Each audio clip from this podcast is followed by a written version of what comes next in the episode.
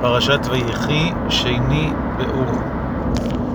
יעקב אבינו מתרגש מלראות את בני יוסף, מנשה ואפרים, ואומר לו, ראה אופניך לא פיללתי, והנה הראה אותי אלוהים, גם את זרעך.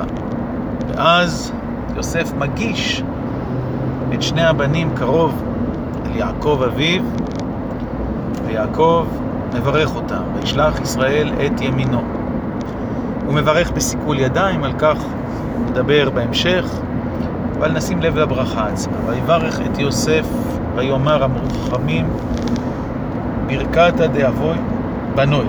כלומר, אף על פי שיעקב אבינו מברך למעשה את הבנים, הרי כתוב ויברך את יוסף, כיוון שברכתו של אדם היא ברכת בניו.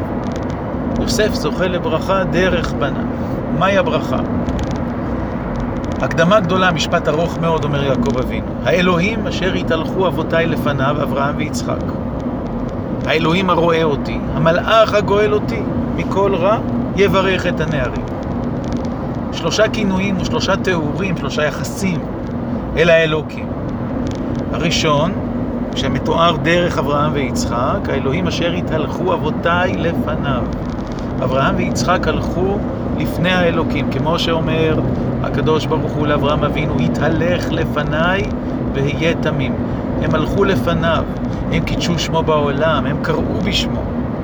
לכן אפשר לומר עליהם שהם התהלכו לפניו, הם האירו לו את הדרך איך לשכון בעולם, איך לשכון בליבם של אנשים. אבל יעקב אבינו לא מרגיש את עצמו במדרגה כזאת, והוא אומר על עצמו, האלוהים הרואה אותי מעודי עד היום הזה. בשבילי הקדוש ברוך הוא בבחינת רועה. יעקב אבינו היה רועה צאן, הוא מכיר היטב את העמדה של רועה הצאן. הוא כמו דוד המלך שאומר, מזמור לדוד, השם רועי לא אחסר, בנעודה שירביצני. כמו צאן שמשבח את רועהו, אז גם יעקב אבינו אומר, האלוהים הרואה אותי, הוא הנהיג אותי, הוא כיוון את דרכי. לא אני הבאתי אותו לעולם, לא אני הנהגתי כביכול אותו, אלא הוא הנהיג אותי, הוא ראה אותי, הוא כיוון אותי. מעודי עד היום הזה. זהו היחס השני. והיחס השלישי, המלאך גואל אותי מכל רע. האלוקים אינו רק מי שאבותיי קראו בשמו וקידשו את שמו והביאו אותו אל העולם, ואינו רק מי שכיוון את דרכי, אלא גם מי שגאל אותי מכל רע, וכאן הוא מתייחס למלאך.